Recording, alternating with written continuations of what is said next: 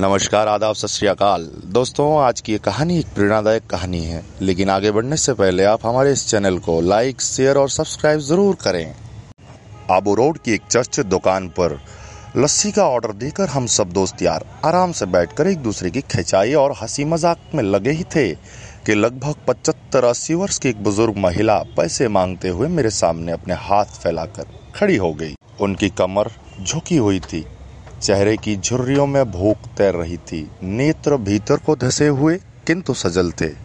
उनको देखकर मन में न जाने क्या आया कि मैंने अपनी जेब से सिक्के निकालने के लिए डाला हुआ हाथ वापस खींचते हुए उनसे पूछा, दादी जी, लस्सी पियोगे?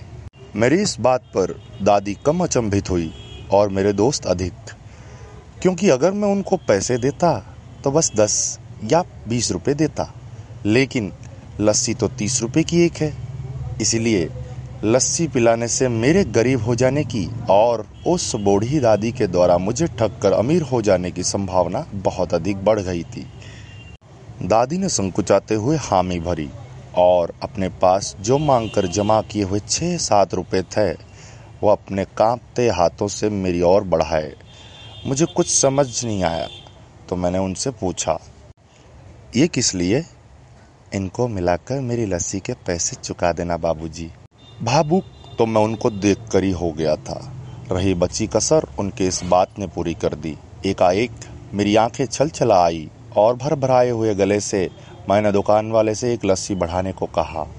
उसने अपने पैसे मुट्ठी में बंद कर रख लिए और पास ही ज़मीन पर बैठ गई। अब मुझे अपने लाचारी और अब मुझे अपनी लाचारी का अनुभव हुआ, क्योंकि वहाँ पर मौजूद दुकानदार अपने दोस्तों और अन्य ग्राहकों की वजह से मैं उनको कुर्सी पर बैठने के लिए नहीं कह सका।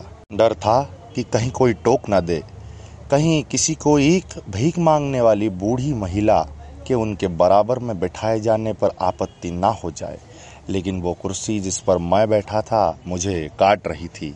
लस्सी कुल्हड़ों में भरकर हम सब मित्रों और बूढ़ी दादी के हाथों में आते ही मैं अपना कुल्हड़ पकड़कर दादी के पास ज़मीन पर बैठ गया, क्योंकि ऐसा करने के लिए मैं स्वतंत्र था। इससे किसी को कोई आपत्ति नहीं हो सकती थी। हाँ मेरे दोस्तों ने मुझे एक पल को घूरा, लेकिन वो कुछ कहते उससे पहले ही दुकान के मालिक ने आगे बढ़कर दादी को उठाकर कुर्सी पर बिठा दिया और मेरी ओर मुस्कुराते हुए हाथ जोड़कर कहा ऊपर बैठ जाइए साहेब। मेरे यहाँ ग्राहक तो बहुत आते हैं किंतु इंसान कभी कभार आता है। अब सबके हाथों में लस्सी के कुल्हड़ और होठों पर सहज मुस्कुराहट थी। बस वो दादी ही थी जिनकी आँखों में तृप्ति के आँसू, होठों पर मलाई के कुछ अंश और दिल में सैकड़ों दुआएँ थी। न जाने क्यों, जब कभी हमें दस बीस रुपए किसी भूखे गरीब को देने या उस पर खर्च करने होते हैं तो वो हमें बहुत ज़्यादा लगते हैं। लेकिन एक बार सोचिए कि क्या वो चंद रुपए किसी के मन को तृप्त करने से अधिक कीमती हैं? नहीं ना?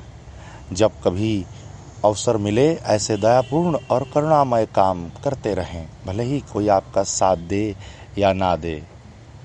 धन्यवाद। आशा करता हूँ आज की ये कहानी आप लोगों को बहुत पसंद आई होगी। अपना मत, अपना राय कमेंट में ज़रूर बताएँ। धन्यवाद। नमस्कार। मिलते हैं अगली कहानी के साथ जल्द ही इसी चैनल पर।